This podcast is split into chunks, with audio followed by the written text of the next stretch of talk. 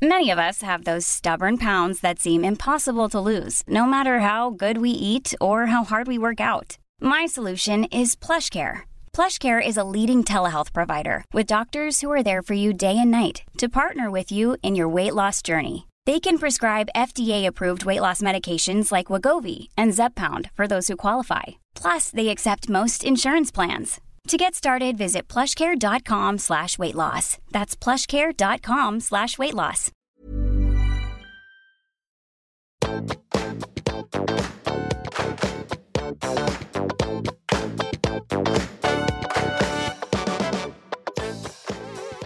Hei, alle sammen, og velkommen tilbake til podkasten Karriereveiledning med Elaine. Ukens episode og ukens tema passer ypperlig i den sesongen vi er inne i nå. Vi skal nemlig snakke om sommerflørting. Um, og vi skal nok vri det litt inn mot karriere, jobbsiden mer enn andre mennesker. Men uh, vi trenger jo også andre mennesker. Gisle Helsten, du er selvfølgelig med meg med denne geniale tematikken. Um, er du flørtete på sommeren, eller? Uh, Altfor lite. Uh, man burde kanskje være det mer. Men uh, jeg er jo ikke helt enig med når du sier at ikke jobb og flørting med mennesker hører sammen. Det er jo kanskje det de gjør. Ja, ta litt kontakt og være litt sånn, men det er kanskje ikke den tradisjonelle flørten. da, vet du. Det, det var litt det jeg tenkte på, for det blir litt cheesy. Og det er fordi jeg oppdaga, eller opplevde nemlig en gang eh, litt sånn Det var noe business, eh, men via da LinkedIn, og liksom å bli flørta-flørta med, og det kjente jeg at det det er liksom ikke helt greit. Man må skille litt snørr og bart. Skille litt sånn kirke og stat. Så nå snakker vi om sommerflørting innenfor the realm of career og jobs. Men selvfølgelig, andre mennesker er jo involvert. Men eh, man må jo kanskje passe litt på hvordan man flørter, da. Eh, og hvorfor vi har dette temaet, det er jo fordi eh, mange har snakket med både meg og deg om at de syns det var godt med ferie, kjenner på litt det å skulle komme tilbake. Vurderer kanskje å bytte eh, jobb, eller hvor skal man begynne? Og er det lov til å flørte med andre jobber? Ja, det er lov til å flørte med andre jobber. Eh, det er dynamikken i arbeidslivet. Og jeg tror kanskje det viktigste signalet er at hvis du har hatt en litt sånn kjip vår hvor ting har gått litt trått, og du fersker deg selv i å, å være litt misfornøyd, kanskje prate mye negativt om jobben med kollegaer og bruke litt tid på det, så er jo ikke nødvendigvis sommerferien bare for å lade batteriene, for å gå på med det samme en gang til. Men kanskje du kan bruke tiden litt til å finne ut ha, skal jeg gjøre noe mer der? Skal jeg sjekke ut hvem jeg kan være i arbeidsmarkedet? Skal jeg finne ut om faktisk det er muligheter for meg? Så er jo sommerferien faktisk eh, en unik mulighet til å ta det første skrittet, da, istedenfor å bare tenke på det, men faktisk gjøre noe med det. Ja, og jeg tror det der å gå fra tanke til handling For jeg tror veldig mange, og særlig mange som jeg har møtt, og du også sitter mye på gjerdet og tenker og venter, og så går det ett år og to år og tre år og fem år, og så ender man kanskje opp med å holde ut, eller det kan skje noe innad i organisasjonen. Det er jo veldig sjelden sånn da at noen kommer og plukker deg, eller med mindre du er dyktig. Selvfølgelig er det noen som blir headhunta. Men eh, størsteparten av de som er i arbeidslivet, må jo på en måte gjøre en innsats sjøl også. Det er jeg helt enig med deg. Og norsk arbeidsliv er fullt av små kullklumper som ikke helt vet selv at de er diamanter for andre. Eh, og det kan være litt vanskelig å oppdage hvis man sitter der og kanskje ikke får den feedbacken man ønsker fra sjefen. Kanskje man ikke får eh, synlighet for det arbeidet man gjør. Man blir litt sånn en del av den grå massen. Eh, og da tror jeg man kan være ganske trygg på at det arbeidsmarkedet vi ser nå, det kommer vi har nesten ikke sett det før. Og det er på en måte litt Karpe Diem akkurat der nå. Nå er det et godt arbeidsmarked. Det er mange som har lyst på veldig dyktige mennesker. Og så vet jo vi da, Elaine, at vi prater jo med så mange mennesker som ikke vet hvor flinke de er sjøl. Mm. Som ikke har troa på egen kompetanse. Som ikke helt ser verdien av det de gjør, for de gjør bare om igjen det de har gjort før. Og aner ikke at det kan være noen på andre eh, siden av gjerdet der som faktisk er veldig interessert i det du kan. Ja, og jeg tenker sånn for å konkretisere det her, da, i kanskje tre sånn konkrete å, Kan du tenke deg så godt for å konkretisere i tre konkrete? Altså Hele poenget er Jeg tror det er tre ting som kan være viktig. Og det ene er når eh, vi sitter og tenker på at vi har lyst til å flørte litt, titte litt ut av vinduet og kanskje ta kontakt og ikke nødvendigvis bare sitte på Finn og Nav, så er det noe med å reflektere over eh, hva er det man egentlig har, altså i jobben, og kanskje hva er det man vil bort fra eller kjenner at man mangler. For det jeg ser, og dette er en sånn aha key takeaway, Helsten, det er at hvis man ikke stopper opp litt og tar tak i nettopp det du beskriver med ok, hva, hva slags verdi har jeg, overførbar kompetanse, eh, og setter i gang og gjør noe, så er det sånn at når man på sikt havner i noe annet, så repeterer man mye av de samme mønstrene. Man kjenner på den samme usikkerheten, man har en manglende opplevelse av verdi, man tenker at det var flaks at man fikk den jobben, og hva annet skal man bruke kompetansen sin til? Så det første er sånn vit hva du har, og så se på det og finne ut av de tingene du kanskje er takknemlig for, som er bra, men se også på hva det du opplever mangler, og hvor er det du tenker at du kan få fylt det? Veldig godt poeng, eh, Blum. Eh, og jeg vil jo absolutt si at eh, det å tenke jobb og ny jobb og karriere osv. Det handler om å se framover og forsøke å distansere seg litt fra å se bakover. Eh, det kan jeg i hvert fall eh, sette to streker under svaret på. Det er at eh, din framtidige arbeidsgiver er mest interessert i hva du kan bidra med i framtiden, og ikke så interessert i å høre om alt som var feil på den gamle jobben. Mm. Så her gjelder det på en måte å rydde litt. Altså, hva er det du er fornøyd med der du er? Hva er det du ikke er fornøyd med der du er? Begynn med det. Det er en veldig god start. Og så sett ord på det. Ja. Og så, akkurat som du sier, forsøk å sette ord på hva du kan tenke deg å gjøre. Ikke mm. nødvendigvis hvor du skal gjøre det. Nei, og det er akkurat det. for Apropos det å sette seg mål. Altså, sånn over snittet opptatt av at et mål skal være godt eller positivt formulert. Og typisk, jeg har jo også jobbet eh, i mange år, det vet du, jo, med eh, tett med deltakere som har vært sant, i Nav-systemet. Og sånn, 'Å, jeg vil bort fra Nav'. Men det i seg sjøl er jo ikke et, et hva skal jeg si, ikke et godt mål, men hva er det du vil til isteden, da? Jo, jeg vil ha selvstendighet. Jeg ønsker eh, å rå over eget liv. ikke sant? Jeg ønsker å kjenne på autonomi. Å ja! For det gir en helt annen drive og motivasjon. Så akkurat det vi snakker om nå, som punkt én og punkt nummer to Vi kommer jo ikke utenom at det er lurt å sette seg ned og bli litt kjent med egen kompetanse, da. I hvert fall rote litt rundt i fortida. Altså, ok, hva er det jeg faktisk har gjort nå som? Og her er jo hele nøkkelen. Punkt nummer to overføringsbart, eller hva som er av overføringsverdi. For det er sånn, ja, jeg har jobbet i restaurant, men det hjelper jo ikke noen på biblioteket å ha gjort det hvis ikke du klarer å koble hvorfor det kan være relevant. Nei, er det nå jeg skal begynne å prate om uh, the proof of the pudding og sånn? Oh, yes, it is, Helsten. Go! skal, ikke, skal ikke gjøre det, men jeg, du syns det var så morsomt forrige gang. Men altså, det handler om å være uh, konkret. Eh, det handler om å sette ord på helt konkret hva du har oppnådd, hvilke prosesser du har vært en del av, eh, hva slags resultater du kan helt klart synliggjøre eh, for en framtidig arbeidsgiver. For å si at man er flink, at man er dyktig, at man har kunnskap. Det er en påstand. Og så koker det ned til hva er det som er argumenter som gjør at en framtidig arbeidsgiver faktisk ser hva du har prestert. Og så har jeg et sånn lite minitips, og det er kanskje det enkleste grepet man kan gjøre for å bli litt aktiv ute i arbeidsmarkedet det er å bruke egen LinkedIn-profil til å huke av den lille saken ut som sier eh, 'jeg er tilgjengelig for forespørsler'. Eh, 'Jeg kan tenke meg å jobbe'. Der kan du eh, krysse av for med en gang eller i løpet av seks måneder. 'Jeg er aktiv søker' osv. Så, videre. så det ligger noen ting der da, som de som driver på baksiden av LinkedIn, kan få med seg at du er en aktiv jobbsøker. Ja, og du, jeg tenker samtidig For når vi snakker nå, så høres det litt sånn Ikke lett ut, men ikke sant, gjør sånn, sett ord på kompetanse. Vi veit jo hvor mange som også kan oppleve at det er litt sånn uvant. Kanskje ikke brukt så mye tid på akkurat det. Og en forlengelse så har jeg lyst til å si sånn um, Det er så mange, og dette har vi sett hvor folk står mellom å skulle velge to jobber eller skulle bytte jobb, eller dette med å skuffe arbeidsgiveren, eller på en måte 'Å nei, jeg kan jo ikke velge det for stakkars sjefen min', eller at man er så redd for at andre skal bli skuffa. Ja, dessverre så hører vi historier om eh, noen som, sjefer som blir skuffa, da. Men da skal du i hvert fall være glad du bytta jobb. For at en sånn type sjef som blir sint eller sur eller skjeller deg ut hvis du bytter jobb, eh, da er det noe alvorlig galt med verdigrunnlaget til sjefen din. Eh, mest sannsynlig så har sjefen din opplevd at folk slutter veldig mange ganger før.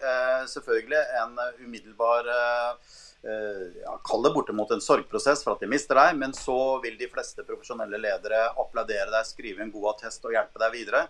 Fordi lille Norge er avhengig av nettverk, så det å svi relasjoner til alle dine tidligere ansatte, det er ikke noe sånn voldsomt god strategi for en leder heller. Jeg tror jeg vil si at eh, en mobilitet i arbeidsmarkedet, det er normalt, det er forventet. Dette kan arbeidsgiver. Og så kan du også være litt grei tilbake med sjefen din, slik at du ikke sier opp akkurat fire uker før eh, årets største prosjekt skal være ferdigstilles. Slik at du har en plan med det hele og kan være på tilbudssida Eh, rett og slett eh, gjøre overgangen så, så smooth som mulig. Mm. Og for akkurat det der er en sånn akilleshæl for mange. Ikke sant? 'Å, jeg skulle gjerne valgt det, men, ja, men ikke sant? jeg må bare holde ut.' Og, og typisk sånn spørsmål jeg får òg. Det var faktisk en student som sa sånn 'Ja, hvor lenge må jeg være i den jobben før det liksom blir klussete på CV-en?' Mm. Uh, og så er det jo noe med å, å, tenke flere tanker, men litt tilbake til akkurat dette med uh, Kjære lyttere, når du hører vi snakker nå, så handler det mer om den flørten. Det der i hvert fall begynne å tenke på uh, og reflektere over hva mer, hva annet. Samtidig så har jeg lyst til å si, da, Gisle Hvordan veit man at det er på tide å flørte litt? Det er summen av de tankene du tar med deg på T-banen hjem fra jobben hver dag det er hvordan du omtaler egen jobbsituasjon yes. til kollegaer, eh, til yes. Eh, samboer, eh, til mammaer og pappaer osv. Hvis vekten der begynner å bli overhengende negativ og ikke fullt av positivitet, så er det klare indikasjoner. Og så er jeg veldig opptatt av karriereutvikling og lengde på skritt. Den neste jobben, det er sjumilssteget. Det er dit du skal en vakker dag. Men for å komme dit, så er det de små skrittene som er viktige. Og du kan snu anytime hvis du ikke opplever at eh, det som er på andre siden, er noe bedre. Eh, du kan oppleve at de tilbudene du får, kanskje ikke er så attraktive. Men så kan du også oppdage vet du hva, dette hadde jeg ikke trodd. Her er det faktisk folk som vil ha meg. Jeg er ønsket andre steder. Og så er det disse små skrittene. Det er ikke noe sånn uh, fra en dag til neste dag nødvendigvis. Her er det en liten prosess, og den starter alltid med den personen du ser i speilet. Mm. Og så er det noe med det at det er jo lov til å søke jobb mens man er i jobb. Absolutt. Eh, det er liksom det ene, og det er jo helt kurant. Det også gå på intervjuer. Og da må vi bare ha med sånn Det er litt på sida, men når vi har snakka om det før òg, eh, bør man si ifra til sjefen at man går i intervjuer?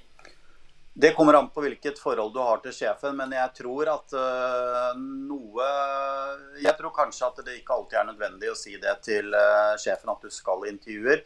Fordi det er så usikkert på om du da faktisk får jobben. Da er det gjerne deg og fire til, så det er ikke sikkert at du får den. Og noe blir ødelagt mellom deg og sjefen når du så tydelig signaliserer at du er på vei ut.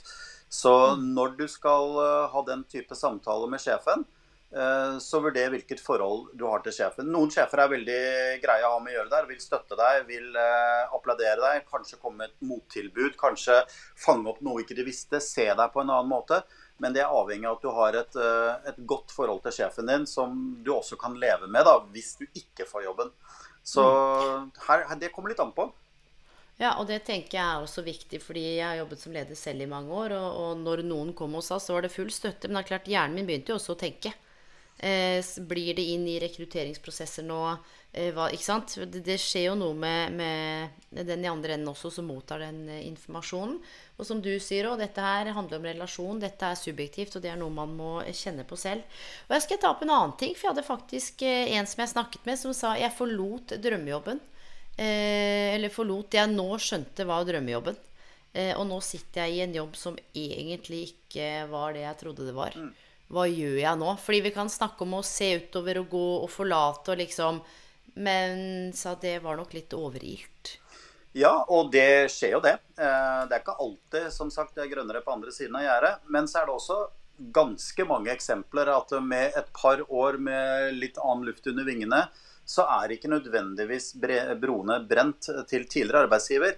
Det er masse eksempler på at man har uh, fått en erkjennelse med at vet du hva, uh, jeg uh, gjorde det som var riktig da. Det viste seg å bli feil.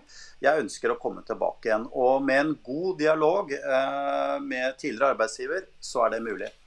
Og mm. derfor, kjære lytter, det viktigste rådet i dag Hvis du flørter og har tenkt å gjøre noe med den flørten, så gjør alt hva som er mulig for deg til å bevare en god relasjon til tidligere kollegaer, til tidligere sjefer. Du vet aldri når det kan være det beste for deg.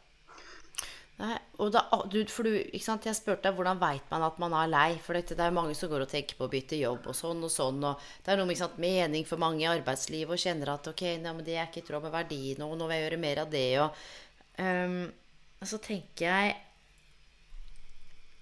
Er det liksom sånn skal vi drive og bytte jobb og finne oss sjæl og skal vi ikke bare være i jobbene våre? Jo, det kan man godt være. Altså, for å gå tilbake til overskriften på dette, denne episoden her, da, som heter 'sommerflørt', så er det fint mulig å gå inn i et ekteskap med en arbeidsgiver og være der lenge. Eh, kanskje mm. livslangt også. Så det er litt sånn mye mas på at man må bytte jobb. At du ja. må føle litt sånn der misnøye på der du er.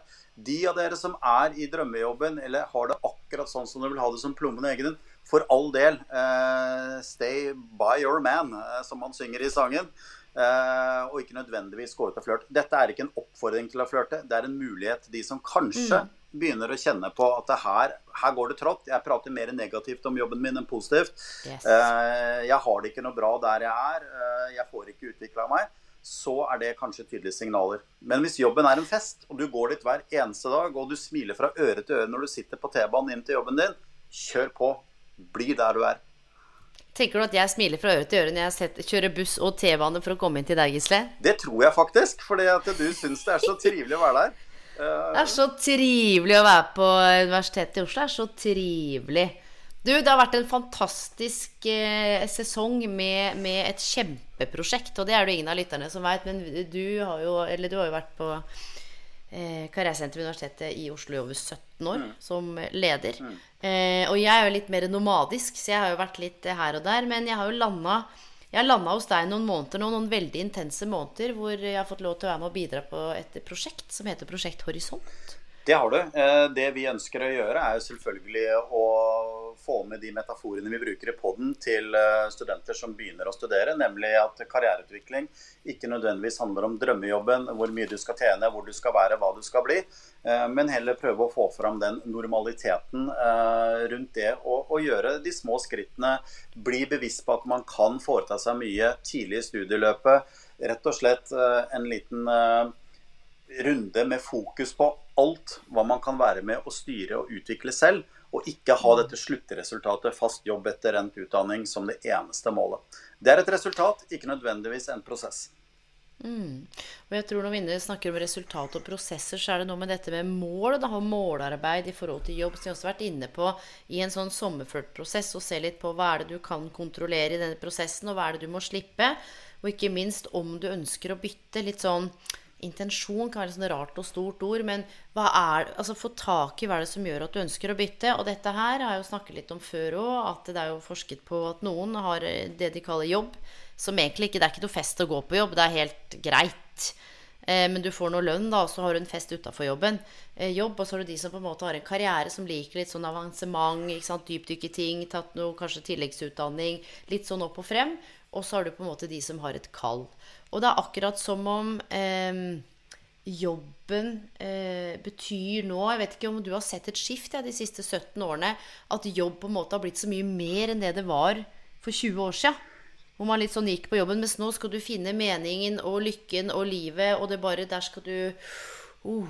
Ja, Det er store greier, og jeg kjenner at jeg blir litt sånn svett av det sjøl. Fordi som du sier, da, i hvert fall 20 eh, år siden, eller 50 år siden, så var jo arbeidslivet besto av eh, bytte av tid mot penger. Eh, og det forekommer i dag også.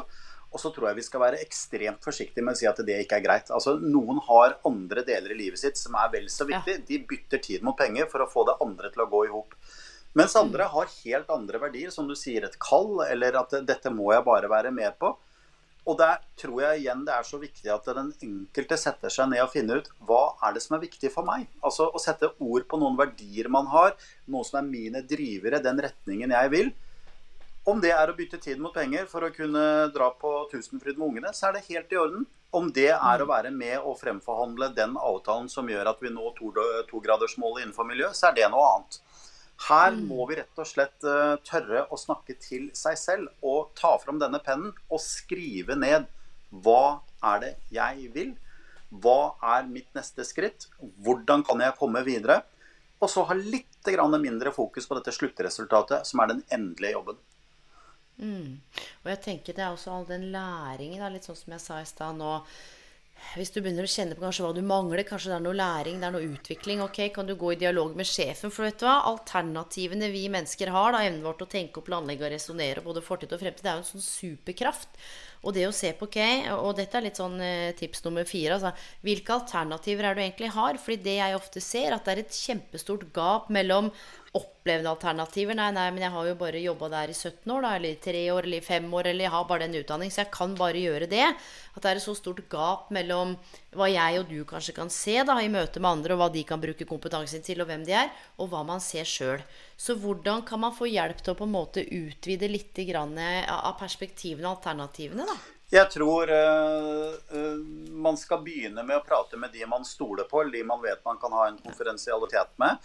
Uh, jeg slår alltid et stort og varmt slag for de fylkesvise karrieresentrene som finnes rundt omkring, hvor man rett og slett kan møte en nøytral og dyktig person som har null egeninteresse i din utvikling.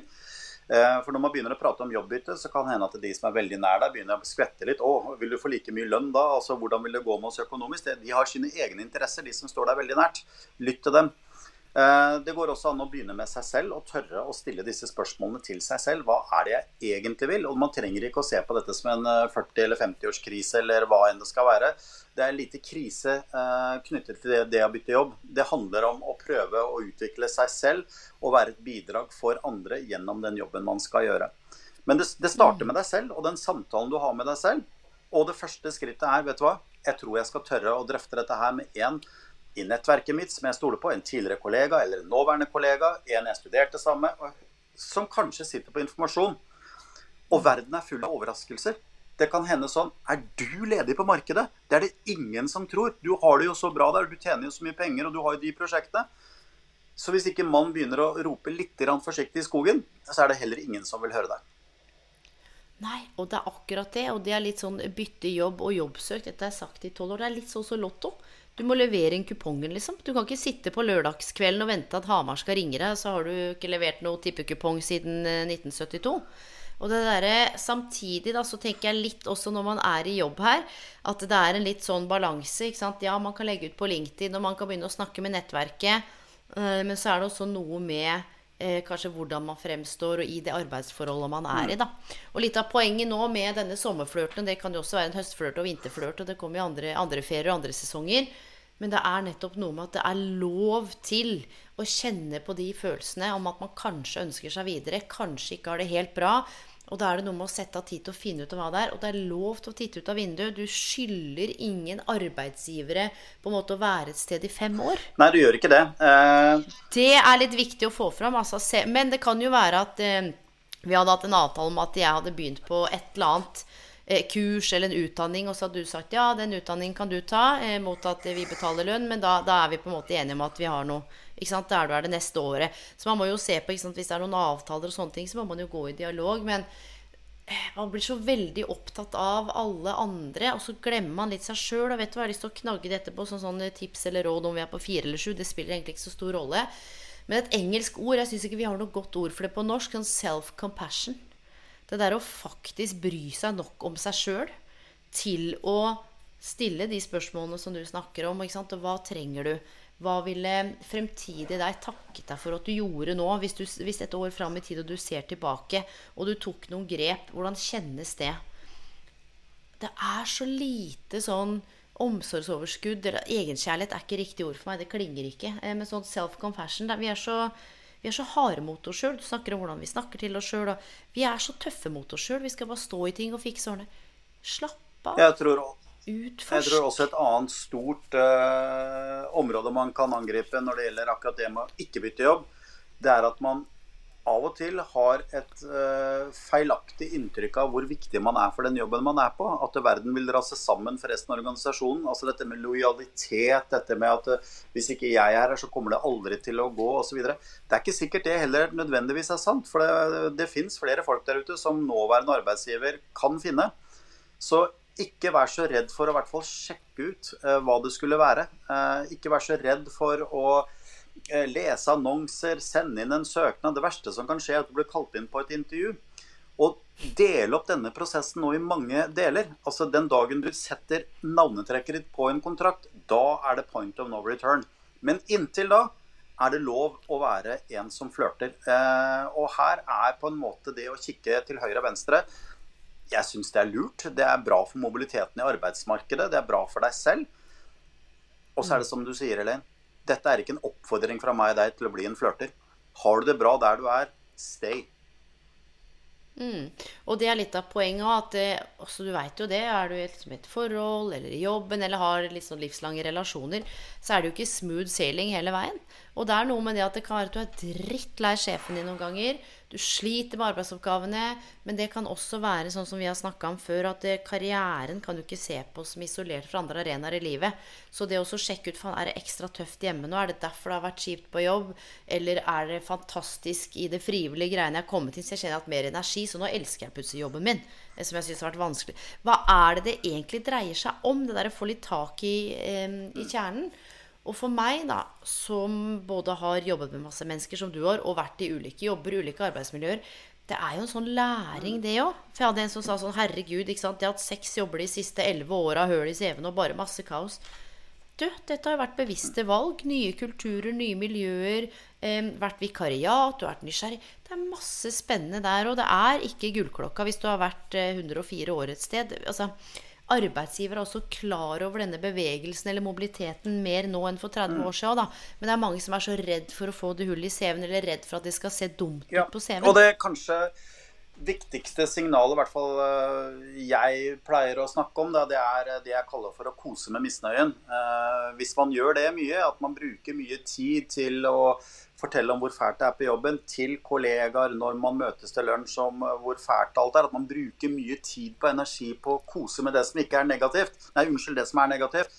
Så da er det på tide å på en måte endre kurs, for det kommer som regel veldig lite godt ut av det. Uh, så jeg vil på det varmeste anbefale sett bruk sommeren, ikke bare til å lade batteriene, men til å finne ut hva er det som egentlig gjør at jeg trives på jobben? Hva er det som gjør at jeg ikke trives på jobben? Begynn der. Altså så enkelt. Og neste skritt hva gjør jeg med det?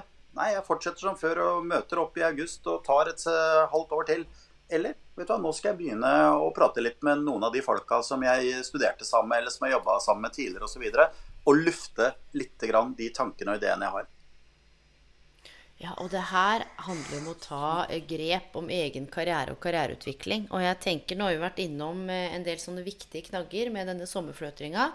Eh, og avslutningsvis, da, for de som kanskje lytter nå, som er på ferie eller er i jobb Du veit at når man setter seg ned og begynner å ta tak, det er derfor veldig få gjør det, fordi når du setter deg ned og begynner å jobbe med disse tingene, så kan det dukke opp ting som du må ta stilling til, sånn som hvor du plutselig skjønner at du bør mm. Det er for mange ganske skummelt, og vi unngår å spørre om de tingene vi lurer på, nettopp fordi when you first know something, you cannot unknow it. Så for deg som syns dette her er litt sånn skummelt og sketchy og bla, bla, og tenker ja, ja, men jeg har det jo stort sett greit, uansett, da, så er det verdt å bare gjøre seg noen tanker, bare kjenne etter. Og hør nå, kanskje ved at du setter i gang og reflekterer, og kanskje involverer en venninne, så kan du få noen perspektiver. Det er så mange som kjenner på det samme, men det er så få som snakker ja, om dette. Ja, og det er eh, Jeg kan i hvert fall love lytterne til denne poden her at hvis du går til en veileder og sier at du vurderer å bytte jobb fordi at du ikke helt trives, så er det tilsvarende samtale nummer 714 de har hatt det halvåret. Eh, for det er så mange som sitter med disse tankene. Det er ikke noe som er rart og mm. spesielt med deg ved at du lurer. Og ved å begynne å prate om det med en karriereveileder, en i nettverket du stoler på osv., så, videre, så er ikke det det samme som at du skal si opp. Det er på en måte å begynne å ta på alvor de tankene du har. Kanskje blir eh, konklusjonen at du blir, kanskje blir konklusjonen at du begynner å søke. Men det er et skritt. Og de skrittene er så viktige. Du, og dette her akkurat det du sa der, å ta tankene hos seg sjøl på alvor. For jeg tror de gangene vi ikke gjør det, så sender vi signaler til oss selv som om vi ikke er viktig. Du veit det, å bryte avtale med andre. Hvis du har lagd avtale, skal vi møtes og Folk går jo og drikker kaffe og gjør ting og holder avtaler som de egentlig kjenner ikke og ønsker å ha, for man er mest keen på å gjøre noe annet. Så det er vanskelig å bryte med andre. Men kontinuerlig, og dette ser jeg veiledning og i sånn type livscoaching, en del av de tingene jeg holder med, man bare gir totalt F i seg sjøl. Nei, nei, men det går fint, det kan bare skure og gå, det. Kjenner man begynner å bli sliten. Kjenner tankene komme. Ja, ja, men Og så bare Nei, men uff, det ordner seg. Og hvis man slutter eh, å ta seg selv på alvor og faktisk eh, lytte litt, så er det som om man sender signaler og sier sånn Men du er ikke så viktig, du. Og hvordan da, Gisle, skal du stole på deg sjøl når du plutselig står i en prosess hvor du skal på et intervju, skrive en søknad, snakke med noen om verdien din og hva du er verdt og hva du kan bidra med, når du gang på gang på gang på gang gjennom livet eller gjennom karrieren eller karrierevalg bare ikke eh, på en måte viser deg selv tilliten verdig. da. Det gjør noe med oss mennesker. Jeg vet, eh, og det er vel kanskje noe av det farligste man kan gjøre, det er å, å, gå inn i en øvelse hvor man sammenligner seg alltid med de som er bedre enn seg selv. Og, det, det, og de fins alltid. Altså Har du B-snitt eh, fra universitet, så er det noen som har A-snitt. Er det en på jobben din som har gjort noe som er bra, så er det en annen som har gjort noe som er enda bedre. Men hvis man mm. tør å se nedover, så er du kanskje topp 97% allikevel. Så det kommer an på hvem er det du sammenligner deg med. Og vi mm, er så mm. gode, vi mennesker, i hvert fall vi i Norge, til å hele tiden sammenligne oss med personer som er flinkere enn oss, og la det være et grunnlag for ikke å gå videre. Og det er et dårlig grunnlag, for det er ikke sikkert at det er sant. Eh, og andre har ikke fått evaluert hva du kan, hva du kan bidra med. Og hvis man ikke blir sett på mm. jobben, hvis man ikke får anerkjennelse, hvis man ikke blir, eh, får på en måte den anerkjennelse og ros man fortjener, så gjør det noe med det. Man tror man er liten, selv om man leverer vanvittig kvalitet. Mm. Og det der, det er så viktig, det. Og egentlig så tror jeg man undervurderer også hvor mye ros folk trenger. Så må man jo ta litt ansvar, da. For å på en måte se seg sjøl og kanskje sette ord på hva man trenger. Jeg tror det er en litt sånn key takeaway mot slutten. Lederen din er ikke tankeleser, partneren din er ikke tankeleser, vennen din er ikke tankeleser, arbeidsmarkedet er ikke tankeleser.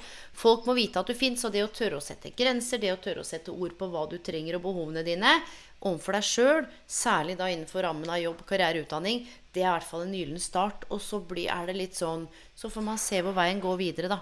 Kanskje du blir i syv år, kanskje du får en ny rolle eller en ny stilling. Men gå i dialog kanskje også med eh, lederen din, hvis det er potensialet for andre arbeidsoppgaver, kanskje. Og jeg tror her er det også viktig å bare sortere sånn kort hva er det du vil fra. Er det arbeidsoppgavene? Er det reiseveien? Er det arbeidsmiljøet? Er det ledelsen? Er det på en måte verdiene? Er det hvordan Finne ut litt av hva er det du vil bort fra, og liksom være nysgjerrig på men hvor er det jeg tenker at jeg kan få den læringen og utviklingen? Og er det, det, er det noen som skal gi meg det, eller er det noe jeg må ta ansvar for selv? Mm. Og der er det noe med mindset, Elaine, som er en litt sånn mantra for meg. Eh, når man er i en eh, begynnende sommerflørtperiode, ha fokus på at du ikke skal søke deg vekk fra den jobben du har, men at du har fokus på at du skal søke deg til noe annet som er riktig. Få blikket framover. Ikke hele tiden yes. sammenligne med hva som ikke er bra der du er men ha fokus på hva annet er det som fins. Ikke søk deg vekk, vekk fra en jobb, søk deg til noe annet. Og avslutningsvis, sørg for at det er din karriereplan, eller at det er dine karrieremål og ingen andres. Og dette her, det er så viktig, for det er du som skal stå opp og gå på jobb hver dag. Det er 365 dager i året, og så er det noen ferier. Men det er hverdager det er flest av. Og det å leve ut noen andres karrieredrømmer og noen andres karrieremål går sikkert fint i en periode, men på sikt da kommer det til å skje noe. Kommer du til å kjenne på en verdikonflikt. Og det er ikke noe godt sted å være. Så eh, flørt med måte. Eh, vær litt sånn påpasselig på kommunikasjonen, og hvor man tar kontakt, og hvor mye man deler. Og ja, kjenne litt på hva det er som er riktig og viktig. For det er kanskje det er sesongen for det, for sånn self-compassion, eh, og kjenne etter hva er det jeg egentlig trenger nå for å ha det godt. Enig. Men samtidig er det sesongen for å lufte seg litt hvis man ønsker det, og det er helt lov. Du, dette her syns jeg var eh, kloke ord fra deg som vanlig. Eh, nå er det jo ferie, så vi ses jo ikke på en stund. Så jeg skal ikke spørre heller om det er noe Eller har du noe på hjertet, eller er det noe sånn siste nå som du brenner inne med? For du har alltid noe sånt på slutten. Og gullkorn jeg føler du har sagt Ja, Det må jo være det puddingen, da, men det tør jeg ikke. Så da blir det Ikke tenk for mye på dette heller. Eh, sommerferien kan også Nei. være til å ta en total avkobling fra alt som har med jobb og karriere å gjøre. Eh, yes. Livet er for kort til å gå og tenke på det hele tiden. Eh, kos deg med de du er sammen med hver dag. Finn på noe hyggelig i sommerferien. Eh, håper at flyet går dit du skal, selv om det er litt tøft akkurat i disse tider. men samtidig Kikk til høyre, venn. Lek, Lek litt. Ja. Lek, det er, vet du hva? Det er det jeg føler når vi snakker òg, som jeg håper vi klarer å få fram. Faen, det er så mye alvor rundt dette her.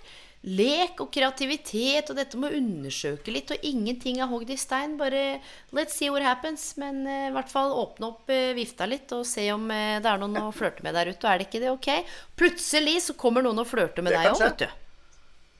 Det kan skje. Så eh, mine venner, hvor enn du er i verden God ferie, god sommer, god natt. Eh, og helst igjen, det er vel ikke siste gang du eh, skulle si besudler podkasten, men det er jo ikke det du gjør. Det er jo ikke siste gang du besøker podkasten med dine kloke refleksjoner, altså. Så takk for tiden din. Greit å vite at du har på deg shorts, for det har jeg aldri sett deg Nei, det er jo hjemmekontor i dag, og kanskje jeg skal dra ut og flørte litt på andre jobber. Hvem vet?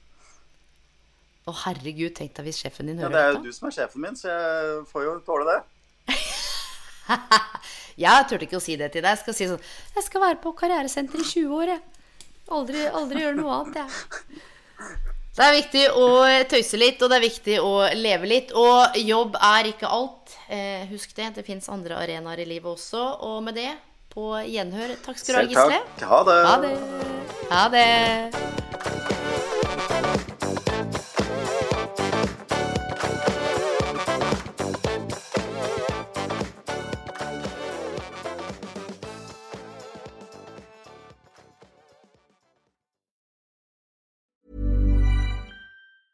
Ever catch yourself eating the same flavorless dinner three days in a row? Dreaming of something better? Well, HelloFresh is your guilt free dream come true, baby. It's me, Kiki Palmer. Let's wake up those taste buds with hot, juicy pecan crusted chicken or garlic butter shrimp scampi. Mm. Hello Fresh. Stop dreaming of all the delicious possibilities and dig in at HelloFresh.com. Let's get this dinner party started. My business used to be weighed down by the complexities of in person payments. Then, Tap to Pay on iPhone and Stripe came along and changed everything. With Tap to Pay on iPhone and Stripe, I streamlined my payment process effortlessly. Now I can accept in person, contactless payments right from my iPhone. No extra hardware required.